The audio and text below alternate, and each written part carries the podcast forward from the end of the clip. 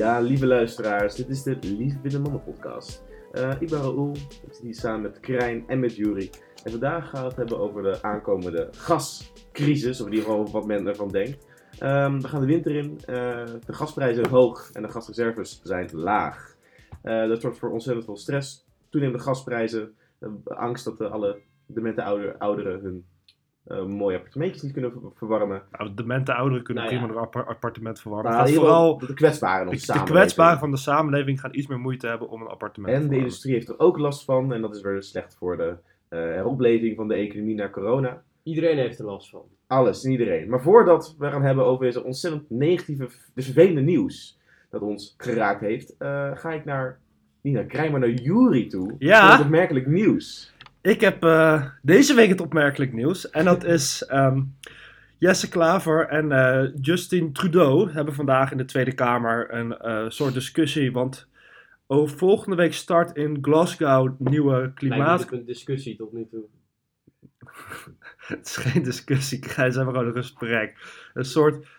Maar over volgende week start de, de klimaatconferentie in Glasgow. En daar willen ze een nieuw klimaatakkoord of een versterkt klimaatakkoord gaan tekenen na het klimaatakkoord van Parijs. En daarvoor is de, de, zo, de Canadese president, eh, minister-president naar Nederland toegekomen om hier te overleggen met wat de Nederlandse doelstellingen en wat Nederland eruit wil gaan halen. En Jesse Klaver was toen ook aan het woord. En toen heeft eh, Justin Trudeau tegen Jesse Klaver gezegd: You have nice hair. Wat eigenlijk gewoon een heel mooi compliment is voor die, voor de Jessias. Omdat ze eigenlijk qua uiterlijk precies op elkaar lijken.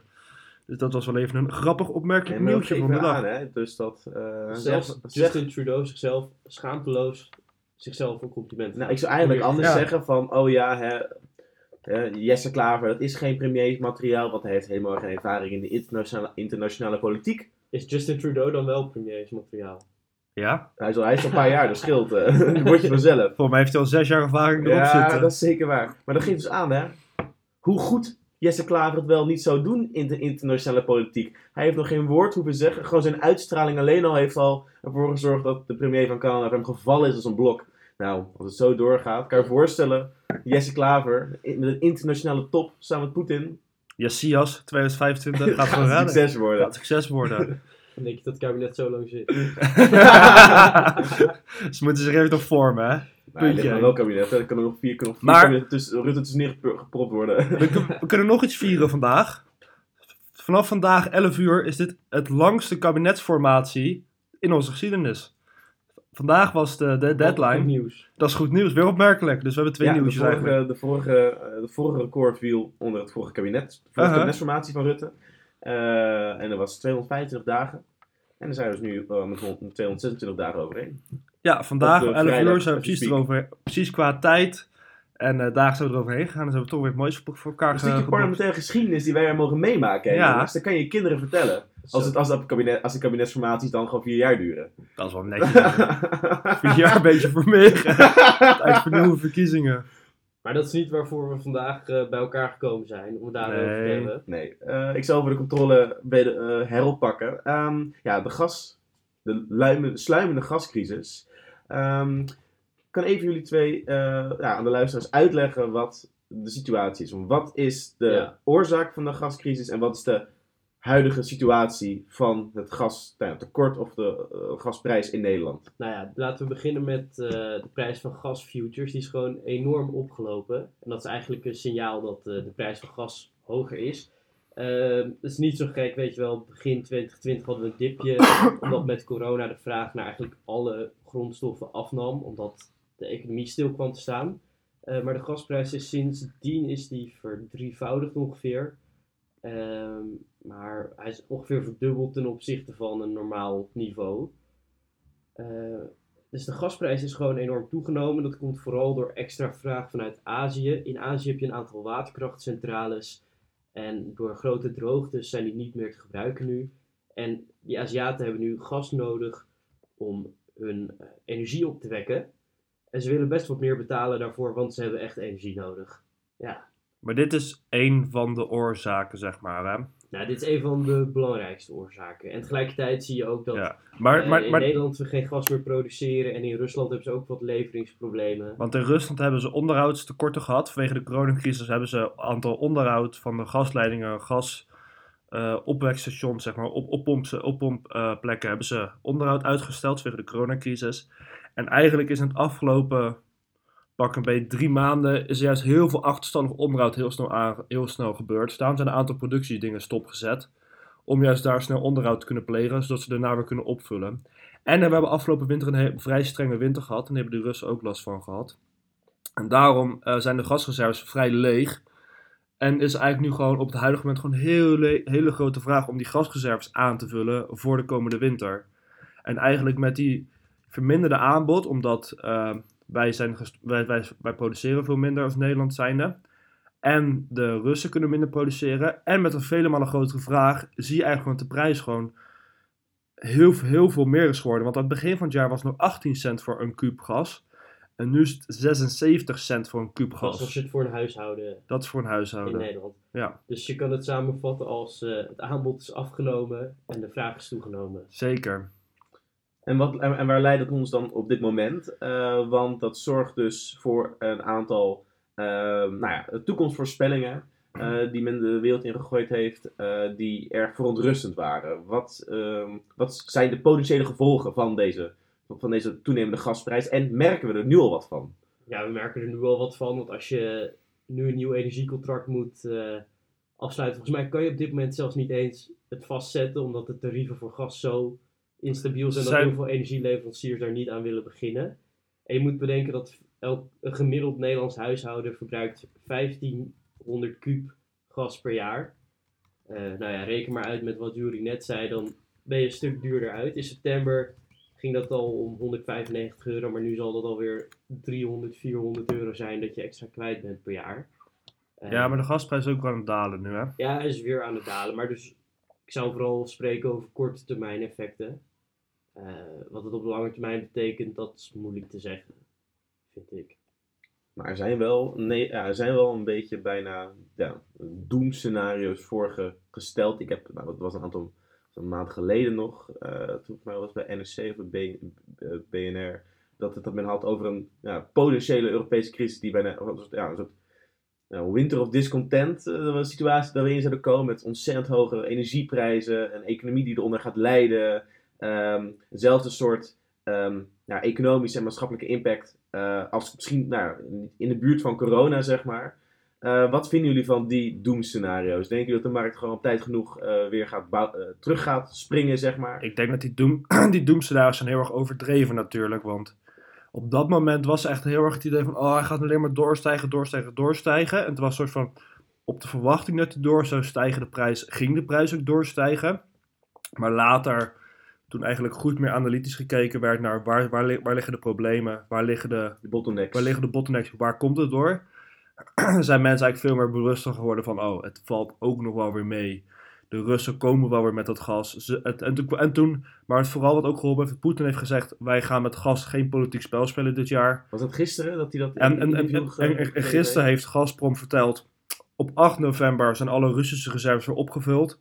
En dan pompen wij gewoon alles weer netjes naar West-Europa. Wij zijn op het, op het gebied van energie, zijn wij een stabiele, betrouwbare partner. En Euro- West-Europa, jullie kunnen gewoon netjes gas van ons af gaan nemen. Wij jullie kunnen gewoon netjes op ons rekenen. Wij zullen, wij zullen onze contracten nakomen. En we leveren extra. En ze zijn ook bereid om extra te leveren. Dus eigenlijk, eh het hele idee van Rusland speelt een, speelt een spelletje met West-Europa, dat is eigenlijk totaal niet waar. Want we- de Russen zijn ook hartstikke bewust van zichzelf dat zij gewoon, ze moeten gas verkopen Ja, heel om een- afhankelijk. om een budget, eh, om een begroting ieder jaar weer eh, eh, rond te krijgen, zeg maar. Ja. Dus zij willen natuurlijk ook wel profiteren van deze hoge gasprijs, om nu lekker veel gas Ja, te gaan en dat is verkopen aan natuurlijk West-Europa. inderdaad, en dat is, dat is een heel ander dis- discussie natuurlijk, hè, de, de geopolitieke eh, strijd die er wel of niet zou zijn tussen Rusland en Europa, die natuurlijk door Amerika heel erg aangewakkerd wordt, deze gasdiscussie. En ook de, eh, de, de, de, de, zorgen over gasafhankelijkheid van Rusland en de macht van Rusland om nu de prijs omhoog te jagen. Wij zijn ook afhankelijk ook heel erg van die Amerikaanse inmenging in de Nord Stream 2 discussie, die ook in Duitsland actief was over het aanleggen van die nieuwe gaspijp en over de afhankelijkheid die eh, Europa dan zou hebben op Rusland. Maar ja, het is natuurlijk alleen maar logisch voor Poetin eh, en bijvoorbeeld ook Macron, die liever betere banden met Rusland wil gaan zien, ja, om, gewoon, om het gewoon stabieler te houden. Ik bedoel, ja, Rusland is ook geen wereldmacht. En Nee, ja, totaal niet. Het eh, regionale speler, zo'n machtige regionale speler. Ja, maar het is ook wel grappig om te zien eh, hoe de, bijvoorbeeld de verhoudingen tussen China en Rusland. China is zich ook echt hartstikke bewust dat de Russische economie even groot is als de e- economie van de Benelux. Ja. Dus ze behandelen ook gewoon als een kleine speler op de wereldmacht. En eigenlijk maken we ze altijd weer groter dan het is. En met die Russische. Het is totaal geen internationale betrekkingen spelletje wat er nu aan de gang, aan is. Het is meer. Het is echt een economisch vraagstuk eigenlijk nu. Van er is minder aanbod. Er is minder aanbod, dus gewoon veel meer vraag. Maar dat geeft ook wel. Dus eigenlijk is dat nu aan de hand. Maar het geeft wel interessante inkijkjes nu ook. Van hoe afhankelijk zijn we nu eigenlijk van het gas? En hoe afhankelijk zijn we eigenlijk van fossiele brandstoffen? Want ik denk dat we de oorzaken nu wel besproken hebben. Ik denk dat dat wel duidelijk op papier staat. Op, of, op, of op audioband, zoals wij het eigenlijk doen. En die zijn eigenlijk niet zo heel spannend. Nee, het is eigenlijk een, het is met helemaal overgehyped. Maar ja, dat is ook een beetje, is een beetje onze Het is tijd. Het eigenlijk gewoon een marktschok. is gewoon een marktschok van, ah, En ook het gevolg natuurlijk van hè, die, de, de gasmarkt. Die eh, niet minder werken van die lange termijn contracten, maar meer gewoon op een, en het is, op en, korte termijn en- aanbod. en het is ook, en aanbod en ook een lange tijd is de gasprijs eh, gekoppeld aan de olieprijs. En de olieprijs en de gasmarkt zijn eigenlijk aparte markten weer. Dus omdat de olieprijs omhoog schoot, omdat er heel veel vraag was naar olie en nog niet heel veel vraag naar gas, schoot de gasprijs wel omhoog. Dus Dat gas is een aantrekkelijk alternatief als je moet kiezen of ik Ja. op olie of op gas. Ja, en eigenlijk zijn het losgekoppelde markten, maar omdat de olieprijs steeg, steeg de gasprijs ook maar snel. En toen begon eigenlijk een beetje paniek te komen van, oh nee, de gasprijs gaat omhoog, dat hadden we niet verwacht. En ook weer Hoe moeten we onze reserves en dan interactie met Rusland en toen moesten de Russen weer onderhoud doen. De internationale betrekkingen, eh, specialisten die erbij kwamen, die er allemaal machtsspelletjes in, in zagen. Direct Dit is. Poetins geheime plannetje. Ja, ja. Poetin zat ook zelf in paniek. Poetin dacht, oh jee, nu gaan ze alleen maar allemaal LNG-terminals bouwen. En dan gaan ze in één keer gas uit Qatar naar Amerika halen. Wat eigenlijk al die andere landen willen. Amerika, het enige reden waarom Amerika de Nord Stream 2 tegenhoudt... is omdat Amerika hele grote gasterminals aan het bouwen is in eh, het zuiden van Texas.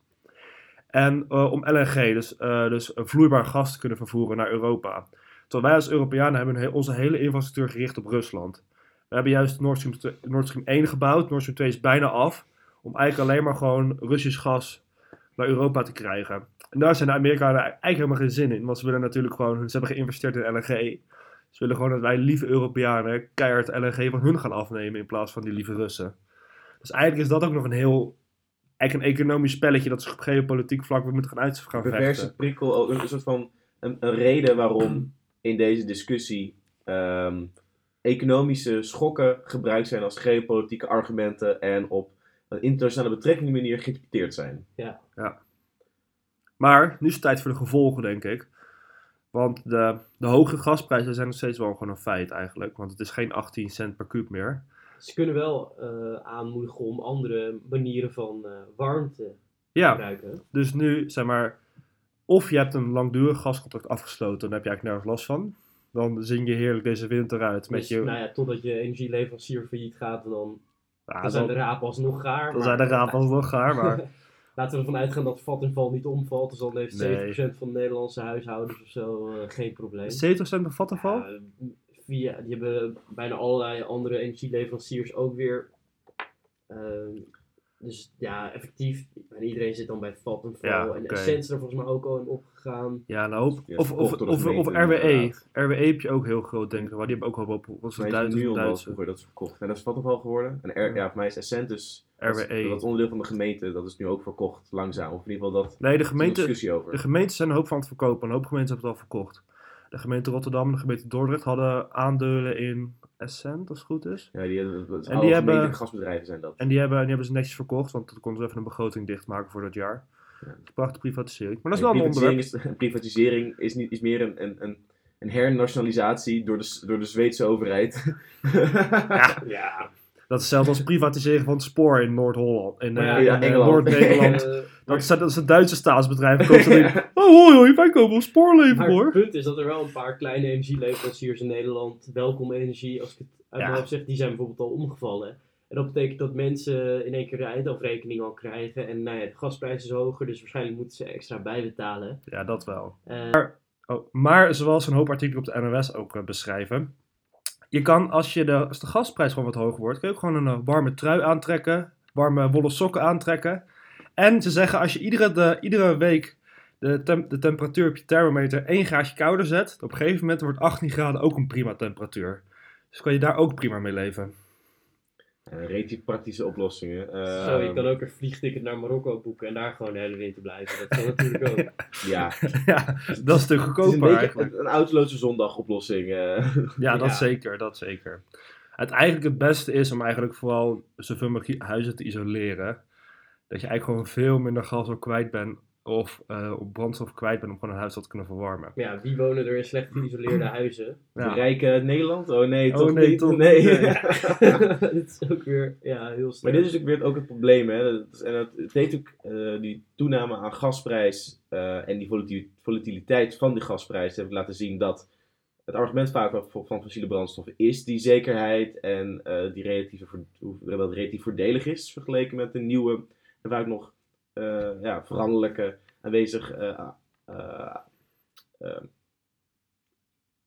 relatief veranderlijke eh, en eh, waar ook aanbod flexibiliseert van eh, hernieuwbare Mhm. ehm, bronnen van energie. Ehm, en dat is misschien ook wel goed. Ja, het is een extra motivator om inderdaad te laten zien, nou, nou dit soort, eh, die fossiele brandstoffen, die kunnen ook best wel veel, Maar ook best dat, wel veel flexibel zijn. Maar ik denk niet dat dit per se, deze verandering, deze van gasprijs, nou iets is dat, die we, dat we moeten gaan vieren als perfect. Kijk eens aan, nu moet iedereen wel eh, duurzaam gaan zijn. Want met, met zo'n snelle verandering van de gasprijs, ja, dat is een schok waar je niet tegenaan geïnvesteerd kan worden, waar je niet tegenaan kan installeren of kan veranderen. En die natuurlijk ook vooral de zwakkeren in de samenleving het meeste raakt. maar dat redelijke voordelige, dat gaat ervan uit dat, ehm, dat gas inderdaad één stabiel is, maar twee, het laat gewoon de CO2-kosten van stoken op gas, neemt het gewoon ook niet mee. Want op dit moment betaal je als consument eh, geen emissierechten over het gas dat je verbruikt.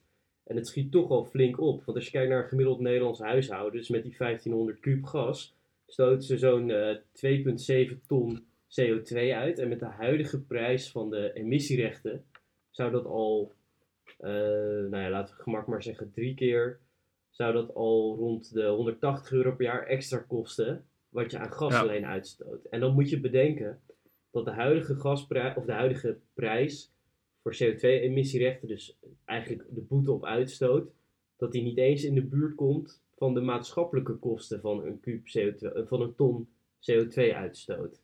Ja, want de maatschappelijke kosten van eigenlijk een ton CO2-uitstoot is 250 euro per ton CO2.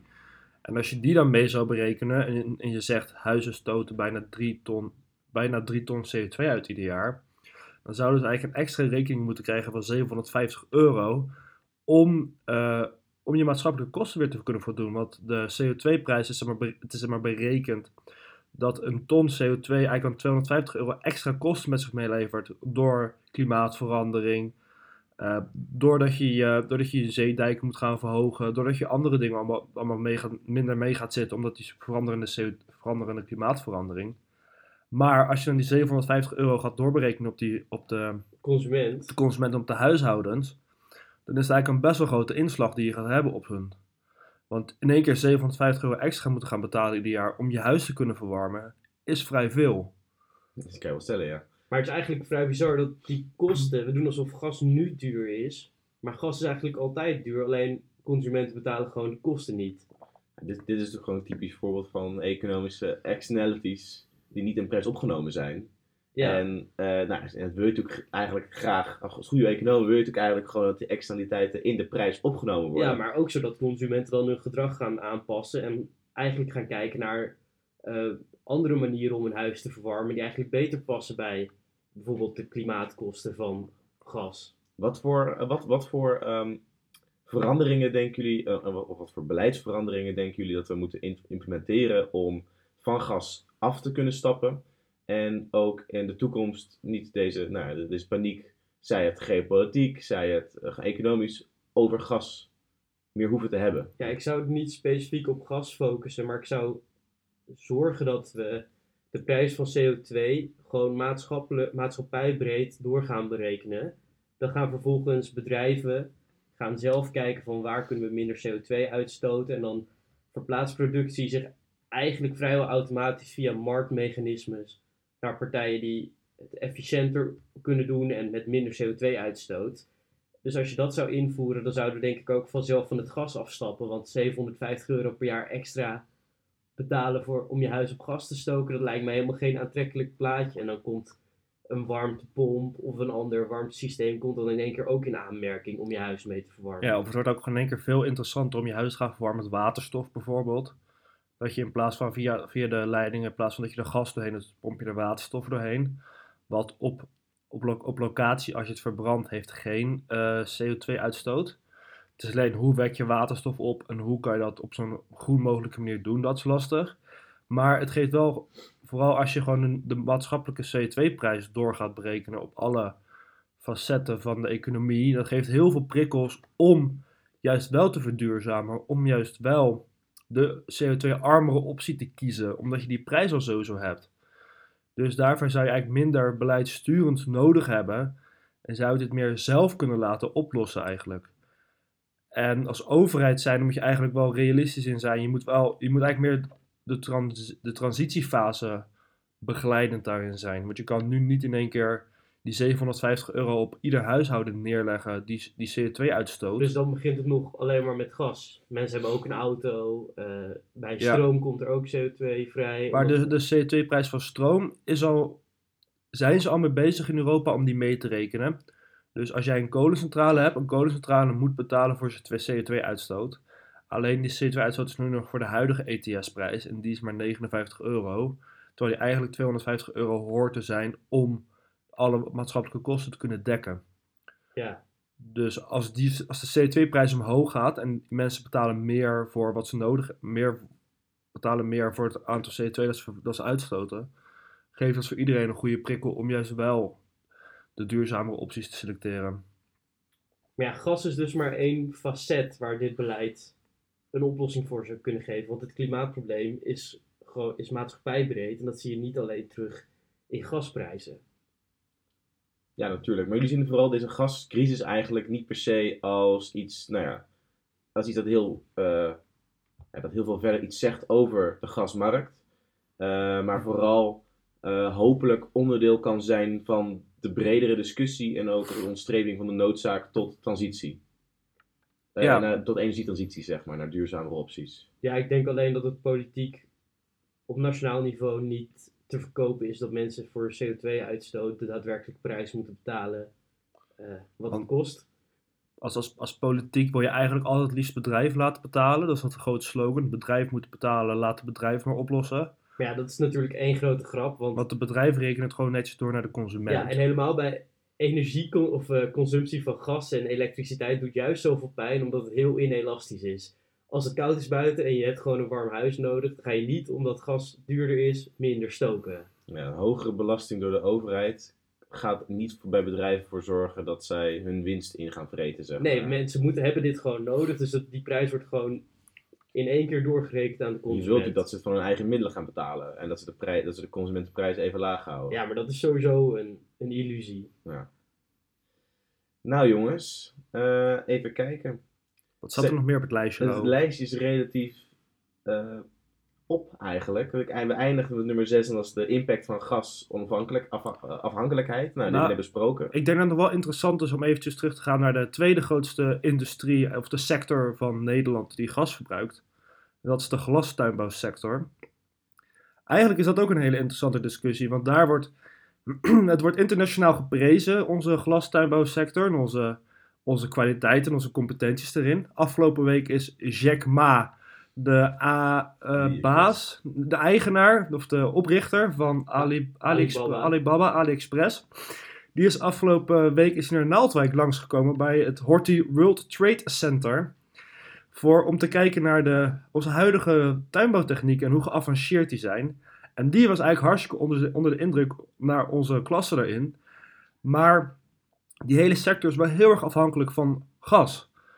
Heel veel van die gas, eh, glastuinbouwbedrijven worden natuurlijk opgestoken worden de gas opgestoken. Dus die zijn heel erg afhankelijk ervan. En eigenlijk is dat ook een van onze grote uitstoters qua CO2. Maar we produceren wel weer heel efficiënt. Dan moeten Eh, zij CO2-rechten zij moeten CO2-rechten kopen, dat is een industrie. Dus zij betalen voor de CO2-rechten. Maar staal heeft bijvoorbeeld wel een vrijstelling, maar zij niet. Voor mij, zit er, voor mij is het gedeeld, ik weet niet hoe het precies zit, maar ze moeten wel, ze betalen wel kosten voor een CO2. Dat is voor mij wel. Maar ik weet nog niet hoe ze het nou precies allemaal doen. Dat is, nu gaan we heel diep de regels in. Ja, precies. Dat is eh, niet zo globaal. Maar er is nu een hele beweging binnen, er zijn hele groeperingen binnen Nederland die zeggen eigenlijk moeten we maar af van die glastuinbouwsector. Want die is zo eh, CO2-uitstotend, zo gasafhankelijk en eigenlijk zo hartstikke slecht. Terwijl wij kunnen als Nederland zijn wel op de meest efficiënte manier dit ook weer produceren. Als we dit in eh, Noord-Afrika of Zuid-Spanje en eh, Zuid-Italië gaan produceren, dan gaat dat veel inefficiënter. En dan wordt er veel meer water verbruikt, veel, meer, eh, veel eff- inefficiënter met de, met de grondstoffen omgegaan. Dus dit is ook weer een heel. Dus dit, is ook een hele grappige dynamiek. Van, moeten wij dan nu eigenlijk de, de glastuin, de, de sectors eh, ondersteunen in deze zware tijden? En ze helpen naar een transitie naar een, een, een betere, eh, betere energiebron. Of moeten ze maar gewoon wegpesten, dat ze naar maar Zuid-Europa Ik denk dat gaan? een typische, en ik denk dat dit een, een geval is van dat men eh, het nastreven van middelen, namelijk eh, het zorgen dat je, dat, dat je zo min mogelijk CO2-uitstoot hebt, ehm, door, door elkaar heen haalt met het doel. En het doel is het, algemene CO2-uitstoot van de hele wereld verminderen. Ja. Is een ontzettend efficiënte eh, industrie, waar die inderdaad op dit moment nu heel veel uitstoot. Maar ja, als je met, met de waterstofgas gaat werken, met de grondwarmte, dan is er heel veel winst Want- te behalen. Want er wordt wel heel veel winst behaald. Want een hele, gro- hele grote tuinen worden al verwarmd met restwarmte van de Rotterdamse haven bijvoorbeeld. Dus ze zijn al hartstikke goed bezig en hartstikke positief aan het veranderen. Maar er is ook toch een hele... Bijvoorbeeld de correspondent had laatst ook weer een artikel... waar ze eigenlijk de hele komkommerteelt gingen afkraken... omdat die alleen maar CO2 en gas verbruiken en uitstoten. Ik denk dat we beter eh En die zeiden heel van- Westland kunnen hebben dat, dat, ons, dat, dat CO2-uitstoot voor onze voedselproductie, dan dat we al die boeren hebben. En de kalkoen, de, e- die ene kalkoenboer in Gelderland die evenveel uitstoten als de helft van het Nederlandse warenpark of zo. Wat, wat het nou weer voor verhaal een tijdje geleden? Maar dat is, maar dat is voor de stikstof, toch? Oh ja, maar dat de stikstof is nog, is, nog, is nog veel erger broeikasgas dan CO2 natuurlijk. Ja, dat is meer gewoon erg voor de natuur en voor de hele biodiversiteit. Dus ik denk uiteindelijk dat we, ik, ja, ik denk dat, dat we echt geen zorgen hoeven te maken. Dat er genoeg lobbykracht in zit in de, in, in de, in Nee, de dat tuinbouwindustrie. En dat een, en, en dat een, en, en dat een En beetje LTO. een short-sighted ehm, eh, artikel van de correspondent geen grote veranderingen in Nederlands industriebeleid gaat. Maar ik vond het meer de Te interessante inkijkse van het beetje, het, het zeg maar, wij, wij doen het hier slecht, wij, want wij stoten hier uit, maar eigenlijk doen we nog, nog veel beter dan waar dan ook. Hetzelfde, in, hetzelfde als onze staalindustrie bij IJmuiden, is een van de redelijk efficiënt qua wereld, maar alsnog zijn wij als Nederlanders hartstikke boos op, op de hele Tata Steel IJmuiden, omdat ze CO2 uitstoten. Vooral omdat ze zoveel overlast veroorzaken voor de buren. Voor de Want buren, ja. die, eh, iedereen in Omuiden die is enerzijds compleet financieel economisch afhankelijk van hun. Maar zit wel massaal te haten omdat het zo lelijk is en dat, ze, en dat, dat, een beetje, dat stinkt. Ja, maar als jij gas gaat, eh, bedoel, staal gaat maken in China of in India of in, eh, of in Oekraïne bijvoorbeeld, dan gaat het niet heel veel netter. Dan gaat het eerder slechter, onzuiniger, slechter, meer CO2 uitstoten dan we het hier doen. Dus ik vind ook wat weer van, we moeten niet al te slecht over onze eigen industrie gaan kijken. Ik denk, ik denk, ik denk dat het wel een relatief eh, marginale opvatting is in de Nederlandse discussie. Ik denk de meeste mensen uiteindelijk wel gewoon industrie hier willen hebben. Er ook overtuigd zijn over van, nou, van de comparatieve schoonheid ervan. En ook het vermogen van de Nederlandse industrie om, om juist genoeg kapitaal aan te trekken om te vergroenen. Eh, juist ook in een Europese context. Ehm, dus ik denk, dat, ik, denk, ik denk dat het wel goed moet komen. Ehm, ja, nou jongens, ik denk dat dit het ongeveer is. De aflevering Ja. over gas. Zeker. Eh, ja, korte conclusie. De gascrisis is een ding. Gaat voor wat narigheid zorgen. Voor hoge gasprijzen. Vooral als je een nieuw contract hebt. Als je met een, met een lange termijn contract zit, dan is dat is allemaal wel prima.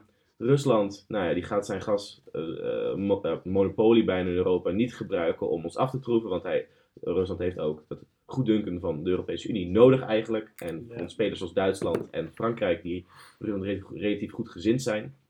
Ehm, en, en daarom hebben ze ook weer de toestroom van gas vergroot. Dus laat je niet gek maken door, eh, door de internationale betrekkingen, jongens, die eh, aan het panikeren zijn. Ehm, en verder is ja, de, deze gas, korttermijn gasschaarste, is niet per se de reden dat we allemaal over groen, eh, allemaal over, gaan stappen op groene alternatieven, maar wel een verdere prikkel die richting in. En dat maakt gas wel relatief oninteressanter ten opzichte van alternatieven. Ja, dat is gunstig voor de terugverdientijd. Dus laten we hopen dat, eh, dat we de huidige gasprijzen om weten te zetten in iets positiefs. En op zoek gaan naar andere bronnen van warmte die eh, duurzamer zijn dan gas. Ja, daar sluit ik me helemaal bij aan. Amen. Nou, Dan wil ik hierbij weer eh, de luisteraars bedanken voor het luisteren naar onze eh, aflevering. U kunt u eh, abonneren, ab- abonneren op onze podcast in uw favoriete podcast-app. Doe dat graag en dan bent u meteen op up-to-date wanneer wij volgende keer weer een aflevering opnemen. En dan wens ik de luisteraar eh, een fijne dag nog en tot ziens. tot ziens. Tot ziens!